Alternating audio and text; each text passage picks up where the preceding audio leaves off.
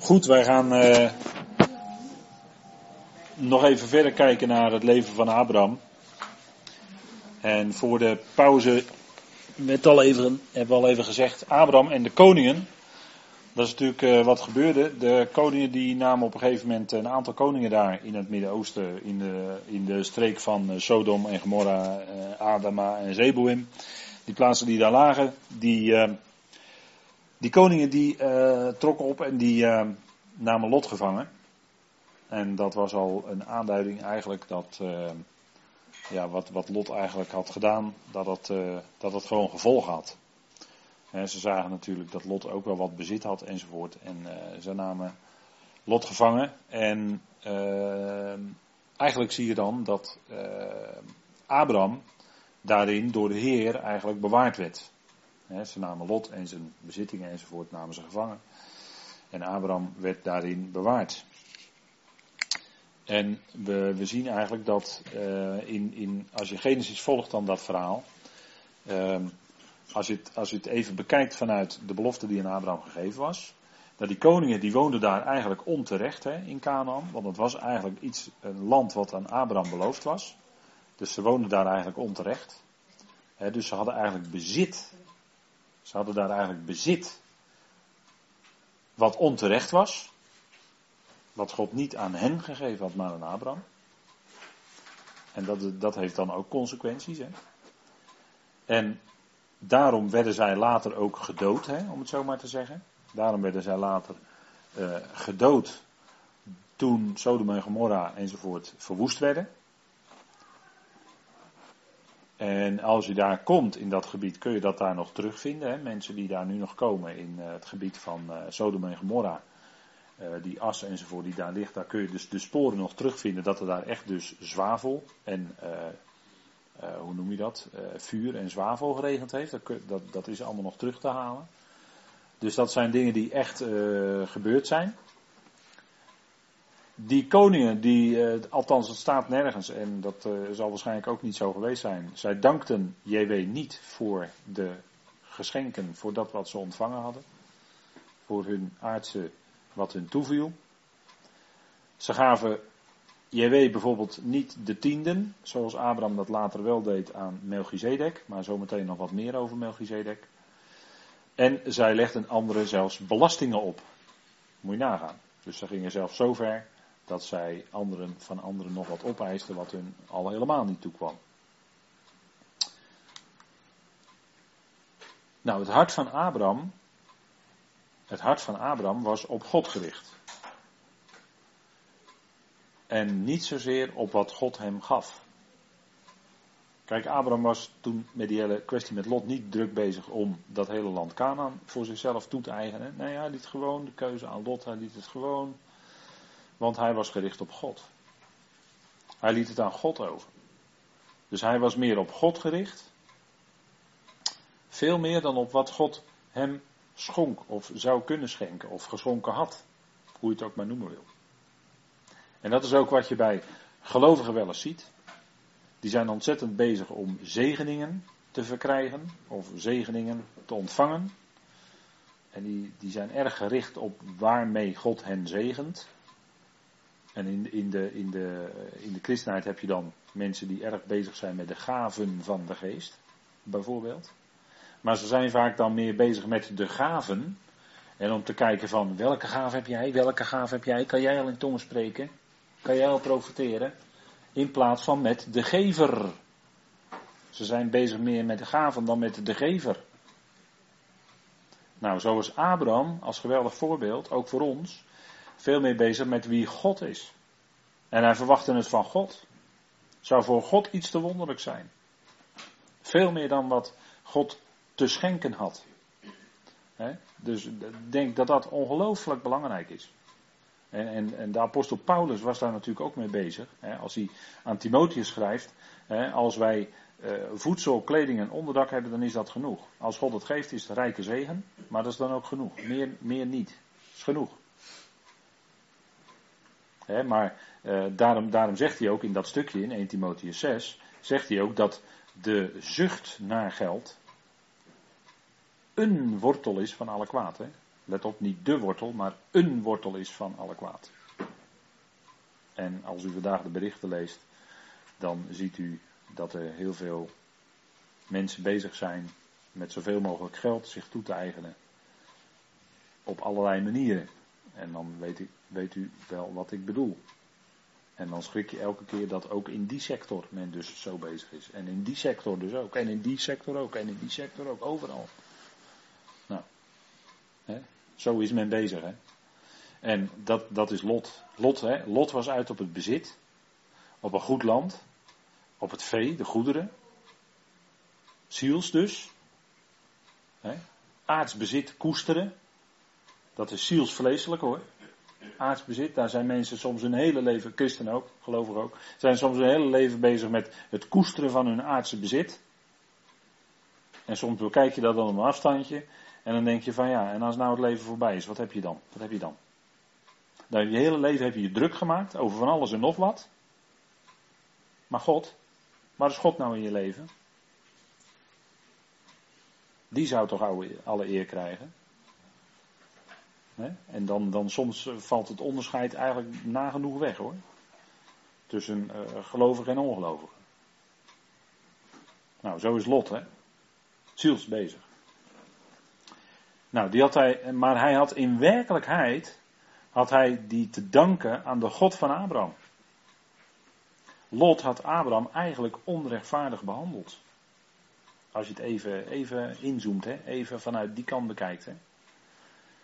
En, en later werd dus alles van Lot afgenomen, want hij werd gevangen genomen met al zijn bezit en was dus alles kwijt.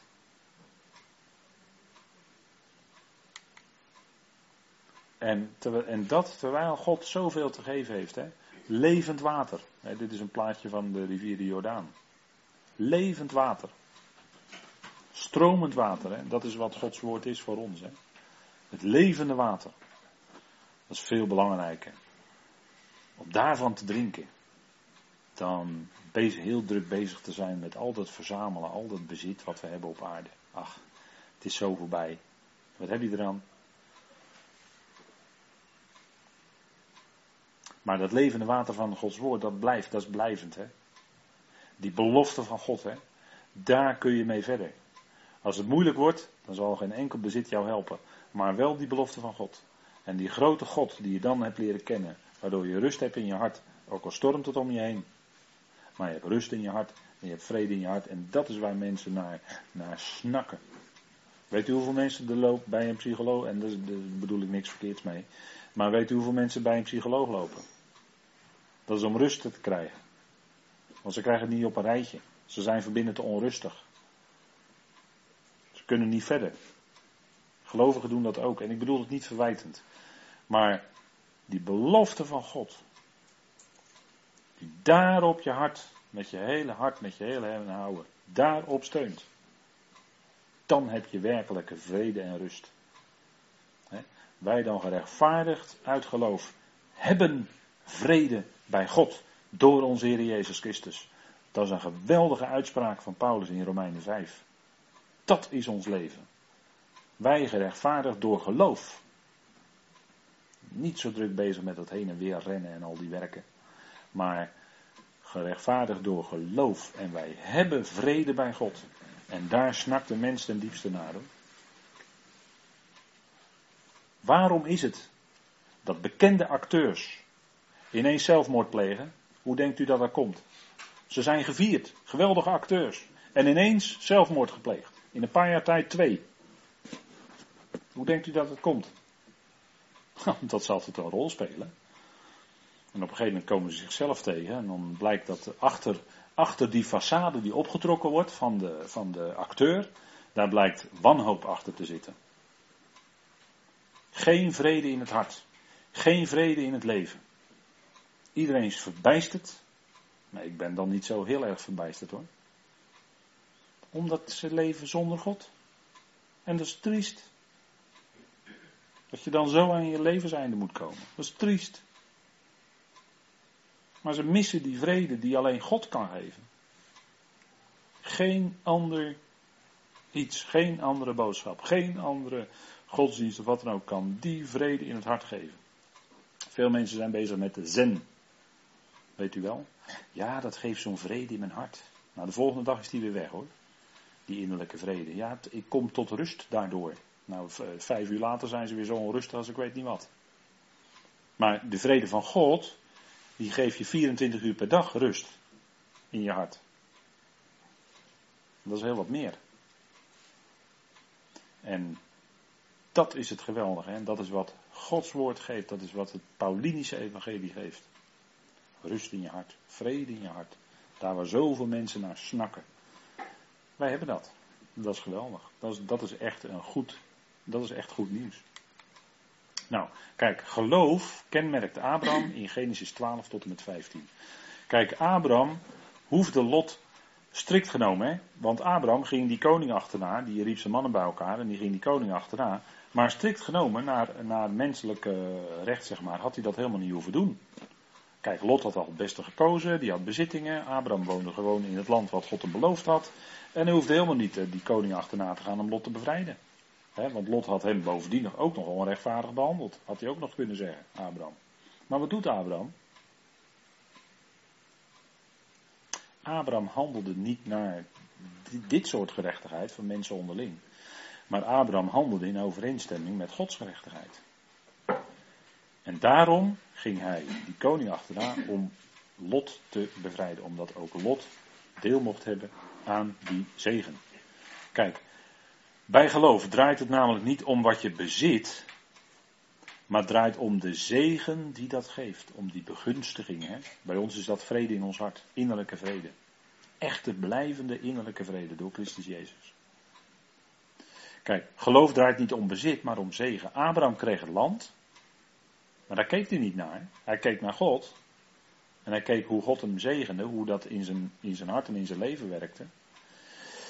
En hij kreeg bovendien zegen, maar dat niet alleen om voor zichzelf te houden, maar om tot zegen te zijn voor al de geslachten van de aarde. Want dat was de oorspronkelijke belofte. Je, Abraham, ik zal je zegenen, maar je zult tot een zegen zijn voor alle geslachten van de aardbodem en jouw nageslacht. En omdat Abraham, hè, omdat dat geloof in Abraham was, daarom ging hij die koning achterna om Lot te bevrijden, om zo voor Lot ook tot zegen te kunnen zijn. Dus zo zien we hoe dat, hoe dat werkte in het leven van Abraham, hè, dat geloof. Het ging niet alleen om bezit, maar het ging vooral om zegen en meer nog om tot zegen te kunnen zijn voor anderen. En wat was Lots ervaring daarbij? Wat was nou wat Lot ervoer? Nou, Lot kreeg zegen omdat hij met Abraham verbonden was. En de herders kregen ruzie. En Lot kreeg een prachtig stukje land in bezit. dat was, eh, om het zo maar te zeggen, de eerste zegen die hij ontving. En hoeveel hij daar in zijn hart echt dankbaar voor was, dat is nog maar even de vraag. Misschien vond hij wel dat hij er gewoon recht op had. Maar hij kreeg ook een tweede zegen, en die had hij ook te danken aan Abraham. Dat was na de strijd met die koningen, waardoor hij verlost werd, bevrijd werd. En nu was hij in een positie, Lot gekomen, hè, Lot was in een positie gekomen, dat hij helemaal geen enkel recht meer kon claimen. Hij was alles gewoon kwijt. Hij was in gevangenschap. Je zou ook kunnen zeggen in ballingschap. Hij was weggevoerd door de koningen en daarin zat misschien nog wel een type in wat later, later ook met het volk Israël zou gebeuren. Ik denk het wel. Maar goed, dat voert weer even te ver. Maar hij had geen enkel recht op die zegen. Maar hij werd opnieuw gezegend. En dat was weer door toedoen van Abraham. God gebruikte daarvoor Abraham. En, dat was, en, dus was wat Abraham deed, namelijk tot zegen zijn voor Lot, volkomen recht, volkomen in overeenstemming met de gerechtigheid van God. De gerechtigheid die u ontving van God door geloof. Dus hij deed iets dat boven de strikte menselijke gerechtigheid uitging. En dan kom je dus terecht bij Gods gerechtigheid. En daarmee deed hij iets dus. Hij begunstigde Lot. Terwijl Lot daar geen enkel recht op kon toekomen. En terwijl Abraham dat strikt genomen niet eens hoefde te doen. Nou, dat is nou Gods gerechtigheid. En zo kreeg Lot ook, hè, waar hij gebrek aan had, kreeg hij opnieuw. En dat is ook gerechtigheid. Hè? Dat wat je tekort komt, dat je dat van God ontvangt. En hier gebruikte God dan Abraham in het leven van Lot, om dat wat hij tekort kwam weer terug te geven. Nou, dat is de bijzondere les uit die hele geschiedenis met Abraham en Lot en die koningen enzovoort. En ze woonden dan hier in deze vlakte. Hè. Ik heb even het kaartje hier wat vergroot uh, neer, of even wat vergroot aangegeven. Je ziet hier Gomorra, Sodom. En dat is nu dus allemaal dode zee hè, hier. En ik weet niet, misschien is het nu nog maar tot zover door die dode zee dat dit allemaal alweer uh, verzild land is. En het zou wel eens de moeite waard zijn om hier eens wat, wat uh, te gaan rondneuzen, om daar eens wat te gaan kijken. Want daar vind je echt al die sporen van dat de, de zaak daar is omgekeerd, verwoest is door vuur en zwavel wat uit de, de hemel regende. Daar, daarvan kun je echt duidelijk de sporen van terugvinden. Zoar wordt daar ook genoemd, de Zeboim, Adama, Sodom en Gomorra, die vijf steden daar, die daar echt genoemd worden in Genesis. Nou, Lot sloeg hier zo zijn tent op, deze vlakte. dat was toen een hele mooie, vruchtbare vlakte en dat is nu dus allemaal dood, dode zee. En dit zal ook in het komende koninkrijk zal dit weer veranderd worden, want dan is het geen dode zee meer, maar dan zal er namelijk levend, stromend water zijn en zal alles weer tot vruchtbaar gebied worden. Maar dat is in het komende koninkrijk.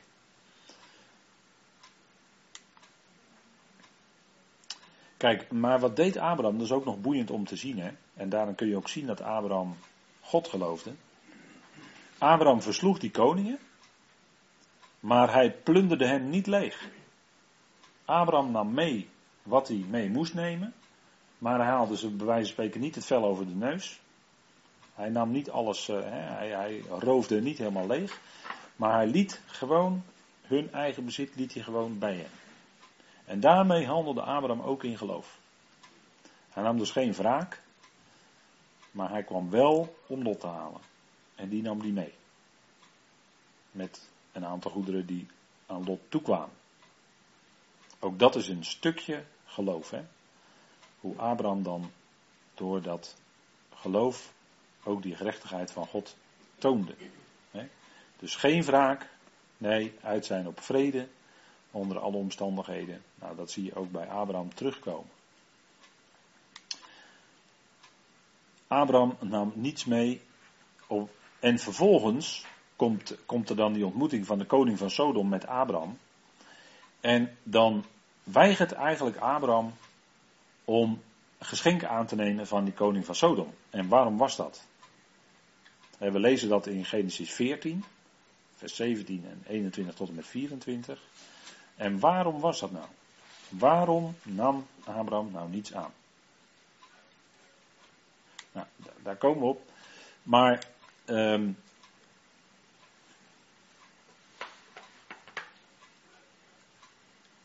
even die vraag laten bezinken bij jezelf. Antwoord komt. En hier even tussendoor een plaatje van de wijnstok. Dat is namelijk een beeld. De wijnstok is een beeld van de belofte aan Abraham gedaan. Het is namelijk de derde vrucht en de derde, de drie, heeft altijd te maken met de belofte in de schrift. Of daarin waar de belofte daadwerkelijk vervuld wordt, of dat je de belofte vervuld ziet worden, krijgt vorm. De derde vrucht uit Deuteronomium 8, vers 8, hè, waarin staat dat het land zal zijn een land van tarwe en gerst, een land van wijnstokken en vijgenbomen, een land van granaatappelen en van olijfbomen. Ik moest even denken, maar de olijfbomen en dan als laatste de honing. En dan hebben we de acht vruchten uit Deuteronomium 8, vers 8. En allemaal stuk voor stuk zitten daar geweldige beelden in, geweldige typen in van geestelijke waarheden. Denk maar aan de wijnstok. De vrucht van de wijnstok is de wijn, de jajin. En dat is natuurlijk een beeld van het nieuwe leven, of de vreugde die we door de Heilige Geest ontvangen. de, de wijn is daar een type van. De wijn is datgene wat het hart van de mens verheugt. En de Heer Jezus zei natuurlijk ook van zichzelf: Ik ben de ware wijnstok. En jullie zijn de ranken. De wijnstok is in de schrift onder andere wordt vergeleken met Israël. Is een type van Israël. Maar is vooral een type van de beloften die door Abraham aan Israël gegeven zijn. En de vervuller, de grote vervuller van die beloften is natuurlijk het zaad van Abraham, de Heer Jezus Christus. En dus noemt hij zichzelf de ware wijnstok. Ik ben de ware wijnstok en jullie zijn de ranken. En het is wel aardig, want bij de derde in de Bijbel, dat is vaak een dubbele. Ik heb wel eens gezegd dat op de derde dag in Genesis er twee dingen gebeuren. Op de eerste dag, tweede dag. Derde dag gebeuren er twee dingen. En bij de derde, de derde is vaak een dubbele. Want je krijgt Abraham, Isaac en dan krijg je de twee, Jacob en Esau. Dan krijg je een tweeling. Dat is de derde, dat is een dubbele. En zo zie je ook bij de wijn zelfs, dat zie je zelfs in de wijn geïllustreerd. Je hebt namelijk witte en rode wijn. Een dubbele mogelijkheid. Hè? Bij rode wijn laat je de schilletjes erin zitten. Maakt niet uit of de kleur van de druif wit of rood of wat dan ook is, of blauw. Maakt allemaal niet uit. Het gaat erom of je de schil erin laat zitten. En als je de schil erin laat zitten, dan kleurt hij rood. En doe je het niet, dan kleurt hij wit. Dan heb je witte en rode wijn. Dus twee soorten wijn krijg je ervan. En waarom dat rood is en waarom dat wit is, daar gaan we misschien een andere keer nog wel op in. Maar dit is een mooie uitbeelding van de beloften die aan Abraham gegeven zijn. De vreugde van de belofte. Als God een belofte doet, dan geeft dat vreugde, want hij zal die belofte namelijk ook gaan vervullen. En wat een geweldige vreugde geeft het als die belofte ook werkelijk vervuld wordt. En vandaar dat ehm, ze in Israël zo ongelooflijk blij waren toen de Messias geboren werd. Gezegend ben je en de vrucht uit je schoot, Maria. Want uit jou is de Messias geboren. Grote vreugde, vervulling van de belofte. Daar hadden ze duizenden jaren op gewacht. Wat geweldig. Hè? Dat de Heer kwam. Maar het was nog in vernedering. En toen hij in de opstanding. Ja, dat was natuurlijk helemaal geweldig. Hè? Maar goed, we gaan eh, even terug naar, de, en hoe kom ik nou bij die wijn? Nou, dat komt door Melchizedek, want die bracht namelijk brood en wijn, weet u wel. Hij, bracht brood en wijn. Melchizedek.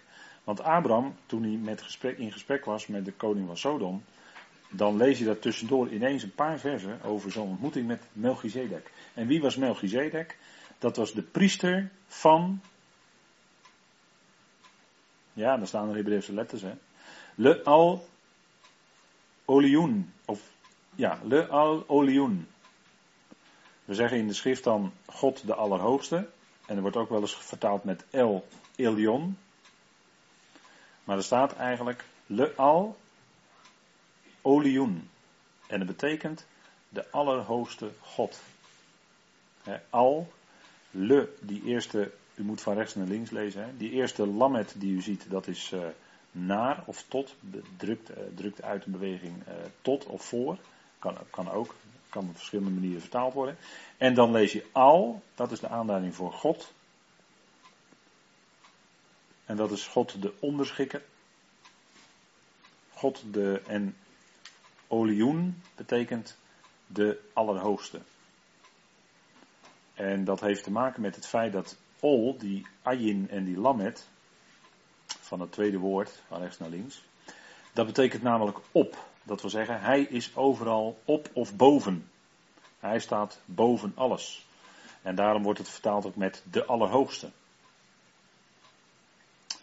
En deze Melchizedek is priester van God, de Allerhoogste. En, u, en het mooie is dat deze openbaring van God, hè, God als de Allerhoogste, dus in het leven van Abraham komt terwijl Abraham nog niet besneden is. Terwijl hij puur alleen gelooft. En in zijn geloofsleven, in de periode dat echt dat geloof van Abraham op de voorgrond staat, openbaart God zich als de Allerhoogste aan Abraham. En zo geloofde Abraham ook, hè, dat God boven alles uit bij machten was als de Allerhoogste om al zijn beloften waar te maken. In die fase ontmoet hij dus de priester Melchizedek, koning van Salem, priester van de Allerhoogste God. En hoe wordt hij genoemd? Hij wordt genoemd de bezitter, en dat is heel bijzonder, dat even, laat het even met elkaar lezen, in Genesis 14. Maar er zit zoveel in. Het zijn maar een paar versen in Genesis, maar er zit zo ontzettend veel in. Dat we eigenlijk uh, daar wel veel meer nog over zouden kunnen zeggen. Maar goed, uh, gaat nu even voor het verband met, het, uh, met Abraham. En Melchizedek, de koning van Salem, bracht brood en wijn. Dat is ook heel bijzonder, hè, brood en wijn. Hij was priester van God de Allerhoogste. En hij zegende hem en zei, gezegend zij Abraham door God de Allerhoogste, die hemel en aarde bezit. En gelooft zij God de Allerhoogste, die overgeleverd heeft uw tegenstanders in uw hand. En hij gaf hem van alles een tiende deel. Dus Abraham gaf toen aan Melchizedek een tiende van alles wat hij bezat. En dat was heel wat hoor. Maar we zien dus hier drie keer God de Allerhoogste. Drie keer in het leven, deze fase van het leven van Abraham, waarin hij leeft door geloof alleen. En hij wordt begenadigd door God de Allerhoogste. Het staat drie keer in dit stukje. Gezegend zij Abraham en gelooft zij God de Allerhoogste. En gezegend zij Abraham door God de Allerhoogste. En wat wordt er dan van hem gezegd? Die hemel en aarde bezit. bezitter van hemel en aarde. En, en ook dat is weer een bijzonder woord in het Hebreeuws. Dat bezitter. Kijk, hier zien we een plaatje van uh, Abraham die uh, Melchizedek ontmoet. Een illustratie.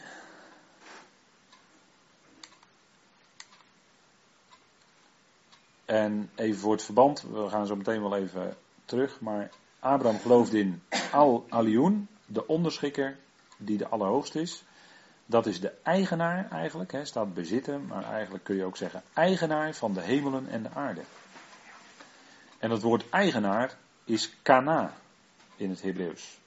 En dat heeft verwant met het woord, of de naam Kain. Kain betekent ook, uh, heeft ook te maken met dit woord verwerven. En dan is het niet zo dat God de hemelen en de aarde verworven heeft. Maar wat wil het nu uitdrukken? Uh, het wil voor ons als mensen uitdrukken als jij je iets verworven hebt of jij hebt iets gekocht, dan is dat jouw bezit. Dan ben jij daar heer en meester over. Dan ben jij bezitter van dat wat jij hebt gekocht. Nou, zo is God bezitter of eigenaar van de hemelen en de aarde. Maar hij heeft daar nooit voor betaald, hij heeft dat nooit gekocht. Maar hij is gewoon bezitter, hij is de schepper. Dus hij is gewoon bezitter van hemelen en aarde. En zo wordt God dan voorgesteld aan Abraham. En hij, die bezitter van hemelen en aarde, geeft dat land dus aan Abraham. En dat is denk ik geweldig als je dat gaat zien. Hè? En, en dat je dus iets uh, meer leert zien van de God waarin Abraham geloofde. En, en uh, reken er maar niet op dat Abrahams geloof heel ja, wij zeggen dan het vervelende woord primitief. Nou, dat was bij Abraham helemaal niet hoor. Abraham geloofde gewoon in volle bewustheid. Abraham was een zeer intelligent man. En hij geloofde in zijn volle bewustheid volledig in die God die hij nooit gezien had, maar wel zijn woord gehoord had. En daar vertrouwde hij volledig op. Zo iemand was Abraham. Hè? Nou, hij ontmoette dus Melchizedek. En die naam is natuurlijk veel betekenend. Hè? Hij wordt in de Hebreeënbrief natuurlijk ook uitgelegd. Want je moet altijd letten op namen in de schrift. Hè? Daar moet je nooit aan voorbij gaan. Daarom hoort u mij ook vaak die betekenissen van namen noemen, omdat dat belangrijk is. Nou, dit is Melech Tzadik. Hè? Melchizedek is in het Hebreeuws Melech. Dat wil zeggen koning gerechtigheid. Koning van gerechtigheid. En waarom ontmoet Abraham nou deze figuur? Omdat het gaat in Abrahams leven om de gerechtigheid van het geloof. En dat het dus volkomen juist is en recht is en terecht is om in Hem te geloven. Als jij God gelooft en je gelooft hem op zijn woord, dan is dat volkomen juist. Dan doe je daarmee volkomen recht. Dan is dat volledig terecht. En hij is tegelijkertijd, Melchizedek, de koning van Salem. Hè? Dat wil zeggen, uh, de koning van Shalom. En Shalom betekent niet alleen vrede, afwezigheid van oorlog, afwezigheid van strijd. Nee, het betekent veel meer. Het betekent welzijn. Welvarend zijn, in de goede zin, hè? geestelijk welvarend zijn. Shalom. Nou, dat levert, dat levert op de gerechtigheid van het geloof in je leven. En daarom handelde Abraham ook volledig naar Gods gerechtigheid. De God die dus de eigenaar is van de hemelen en aarde. En denk erom dat wij die God mogen kennen. Die God mogen wij kennen. Die eigenaar is van alles. En wij mogen dan soms even iets in bruikleen hebben als het ware. Maar hij is de eigenaar. Kijk, nu weer even een verschil en we naderen nu uh, het slot van de avond. Maar kijk, in het evangelie van de besnijdenis, waar draait het dan om? Daar draait het om de gerechtigheid van de mens. Daar gaat het om wat de mens doet. Daar gaat het om wat de mens presteert. En in o zoveel prediking staat de mens centraal.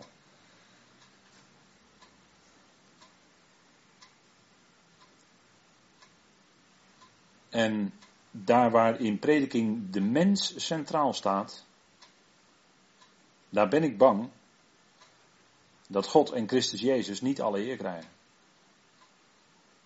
Daar ben ik dan altijd een beetje bang voor. Dan is het of er wordt veel gesproken over mensen en wat mensen doen. Of er wordt door de prediker veel gesproken over wat de prediker zelf doet en beleefd heeft. Kijk, weet u wat Paulus zegt? Weet u wat Paulus zegt? Paulus zegt, wij prediken niet onszelf. Maar wij prediken Christus Jezus als Heer. 2 Korinthe 4. Dan ben je dus voorbij aan jezelf. En dan gaat het alleen om Hem. Daarom zegt Paulus dat. En Paulus werd niet gewaardeerd als spreker. Ze vonden Paulus geen goede spreker. Hij sprak waarschijnlijk te lang. En het was waarschijnlijk vaak te moeilijk. Inderdaad. En wat ze allemaal nou maar niet op hem aan hadden te merken en ze luisterden liever dus naar anderen. Ze luisterden waarschijnlijk liever ook naar de apostelen van de besnijdenis. En dan praat ik nu helemaal vanuit de Korinthebrief. Hè? Maar ja, kijk, als Paulus natuurlijk aan je schrijft, jullie zijn nog vleeselijk, ja, dan, ja, dan steekt dat natuurlijk die mensen die inderdaad zelf vleeselijk bezig zijn. Dat snap ik wel. Jullie gedragen je als nog onmondigen in Christus. Die hebben nog partijschappen. Ik ben van Kefas. Ik ben van Apollos. Daar gaat het helemaal niet om. Paulus zegt, wij prediken niet onszelf. Wij prediken Christus Jezus als Heer. In de ware prediking staat Christus centraal. Hij staat centraal. Want we hebben van Hem alle kracht nodig. En, en er zijn eh, ook, uh, nou dat laat ik maar, dat slik ik dan maar in. Maar daar gaat het om. Paulus sprak niet, ja, hij sprak over zijn eigen ervaringen als het tot eer was van de Heer. Als hij een doorn in zijn vlees had, waarvoor hij bad drie keer of de Heer het weg zou nemen. En dat de Heer dan tegen hem zei: Paulus, mijn genade is jou genoeg. En zo op die manier kreeg de Heer weer alle eer. Mijn genade is jou genoeg, Paulus. Nou, en dat, dat, dat is waar het om gaat. Het gaat om zijn genade. En zijn kracht in ons leven. Dat is waar we echt iets aan hebben. Nou, Dus in het evangelie van de besnijdenis draait het om de gerechtigheid van de mens. Maar in het evangelie van de voorhuid, waar we nu mee bezig zijn, gaat het om gerechtigheid door geloof. Gerechtigheid door geloof. En die wordt ontvangen alleen door geloof. Door het geloof van Jezus Christus. En die gerechtigheid is van God. In het evangelie van de vooruit gaat het om Gods gerechtigheid. Gaat het niet om de gerechtigheid van de mens, maar het gaat om Gods gerechtigheid. Dat wordt in het evangelie geopenbaard. Hè? Romeinen 1. Daar begint de brief al mee. In het evangelie wordt Gods gerechtigheid onthuld door geloof. Hè? Uit geloof tot geloof. Want de rechtvaardige zal door geloof leven. En in Romeinen 3 wordt het nog eens dik onderstreept dat Christus gestorven is en dat hij ook opgewekt werd en dat zijn bloed gestort werd en dat het is tot een betoning van Gods gerechtigheid. Betoning van Gods gerechtigheid in deze tijd voor degene die uit het geloof van Jezus is. Daar gaat het om. En, en dat, dat is fundamenteel. En wat zien we die gerechtigheid van God dan ook in het leven van Abraham uh, naar voren komen? En hoe Abraham handelde. Hè? Hoe hij handelde in overeenstemming met een veel hogere standaard van gerechtigheid dan uh, de strikte gerechtigheid onder mensen. Nou, dat, dat is ook wat in het Evangelie, uh, zoals wij het mogen kennen, naar voren komt. en dat de eigen gerechtigheid van de mens, kijk, dit is een olijf, dit is een, nee, sorry, dit is een vijg, sorry. Vijgen zijn vaak groen, hè? niet altijd, maar vaak wel. Vaak heb je de groene vijg. Het bedvage is ook het huis van de groene vijg, bijvoorbeeld. Maar dat is een vijgenboom. En een vijgenboom kent hele grote bladeren. En die zijn vooral bedekkend. Hè? En dat is een illustratie, waarom dit plaatje. Dit is een illustratie van de gerechtigheid van de mens. Want de mens maakte zich vijgenbladeren. Hè? Toen zij gezondigd hadden, wat deden zij toen? Zij hechten vijgenbladeren aan een om zichzelf mee te bedekken. Gerecht, eerste illustratie van de gerechtigheid van de mens. Die bedekte zich met vijgenbladeren. Daarom is de vijgenboom vaak onvruchtbaar en wordt hij ook vervloekt. Omdat het een beeld is van de eigen gerechtigheid van de mens. In de, in de vijgen, als je een vijg opensnijdt, dan zie je ook dat er verschrikkelijk veel zaad in zit. Dat wil zeggen dat het heel veel, het is heel veel geworden. En dat is ook wat de mens graag wil produceren. De mens wil graag heel veel worden, hè? wil groter, zich groter voordoen dan die werkelijk is. Hè, dan wordt het bijna schuim. Hè? Dat zeg ik niet voor niks hoor, staat in Jezaja namelijk. Schuim hè, wordt het dan. Dan lijkt het heel wat. Dan is het misschien veel geworden, maar het is niks eigenlijk. Want het is eigen gerechtigheid van de mens. Eigen werken. Vijgenbladeren schorten zichzelf schorten van vijgenbladeren maken. En dan komt de Heer en die zegt: Nee, ik dood een dier en jij krijgt een dierenhuid. He? Dierenhuid. Dat wil zeggen, er moest eerst bloed vloeien. En dan geef ik jou dat waarmee jij je kan kleden, als een illustratie van mijn gerechtigheid. Zegt de Heer. Dat, dat is in feite de les die al heel vroeg in Genesis zit. Maar dat is een les die zo moeilijk is voor de mens om dat af te leren. Om te leren dat het anders is. Dat is zo moeilijk, want de mens wil zich zo graag zichzelf rechtvaardigen. Heb je wel eens op gelet? Mensen willen zich zo graag rechtvaardigen. Zichzelf, hun eigen daden.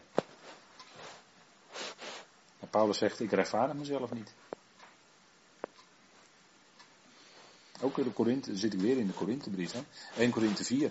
Paulus zegt, ik rechtvaardig mijzelf niet. Maar degene die mij zal uh, rechtvaardigen, is de Heer zelf. Maar moeten ze maar eens opletten hoe vaak mensen zichzelf rechtvaardigen. Hun eigen gedragingen, hun eigen doen of laten. Paulus was daar niet zo mee bezig hoor. Nou, kijk, de rechtvaardigheid bij de besnijdenis, nogmaals, is door het in acht nemen van de Torah. Zij joegen naar hun eigen gerechtigheid, zegt Romeinen 10, maar ze zijn aan de gerechtigheid van God niet toegekomen. Want die is namelijk door geloof. Alsjeblieft, Romeinen 10. Hè? Zelfs Petrus, die naar Cornelius ging, moest door Paulus gecorrigeerd worden. In het bijzijn van allen. Wij zouden veel liever zijn, wij zouden Petrus apart nemen. In een kamertje en hem daar toespreken. Maar Paulus deed het gewoon in bijzijn van allen. Wees die Petrus terecht, dat hij verkeerd bezig was. Hij handelde niet naar de waarheid van het evangelie. En dat had te maken met gedrag. Het had te maken met eten, notabene. Nou, daar komen we nog wel op hoor, Galaten 2. Het had te maken met eten. En zelfs Petrus moest gecorrigeerd worden. Dus Petrus kwam ook nog niet toe aan dat evangelie van de vooruit. Kijk, en daar waar we de vorige keer ook geëindigd zijn, eindigen we nu weer. Pas in de nieuwe schepping, en u moet dat maar eens even bedenken tegen de achtergrond ook van waar over zondag gesproken is. Want daar zat, daar zat veel meer diepte in dan u misschien vermoeden. Maar in de nieuwe schepping zal Israël tot het kruis van Christus komen. Pas in de nieuwe schepping zullen zij de waarheden gaan verstaan van het kruis, de consequenties van het kruis. Niet eerder. In het duizendjarig rijk is nog allemaal hele langzame, lange leerschool. Om iets te leren over de offeranden en aan de hand van de offeranden iets te leren over Christus. Maar pas in de nieuwe schepping zullen zij de waarheden van het Paulinische evangelie leren kennen. Moet je maar eens goed over nadenken wat voor enorme consequenties dat heeft. maar Paulus predikt dat wij in Christus een nieuwe schepping zijn. En dan is het een open doel inschieten als je zegt, dus zijn wij voorbij de oude schepping. Maar ik zeg dat maar even voor alle duidelijkheid erbij. Wij zijn in Christus een nieuwe schepping en daarmee zijn wij voorbij de oude. Want die oude mensheid is toch met Christus mede gekruisigd. Romeinen 6 en begraven, zand erover. En wat uit het graf kwam, is een nieuwe schepping. Christus was de eersteling ervan. En wij zijn in hem, hebben wij deel aan een nieuwe schepping. Daarom zegt Paulus ook in Efeze 2, en daar sluit ik dan echt mee af. Wij worden in Christus Jezus geschapen tot goede werken. Let op hè. In Christus Jezus geschapen. Dat is dus die nieuwe schepping. Tot goede werken. Opdat wij daarin zullen wandelen. En wat zijn die goede werken? Nou, dit is wat we nu kunnen doen als gelovigen. En wat we straks zullen doen te midden van de hemelingen. Dat zijn die goede werken.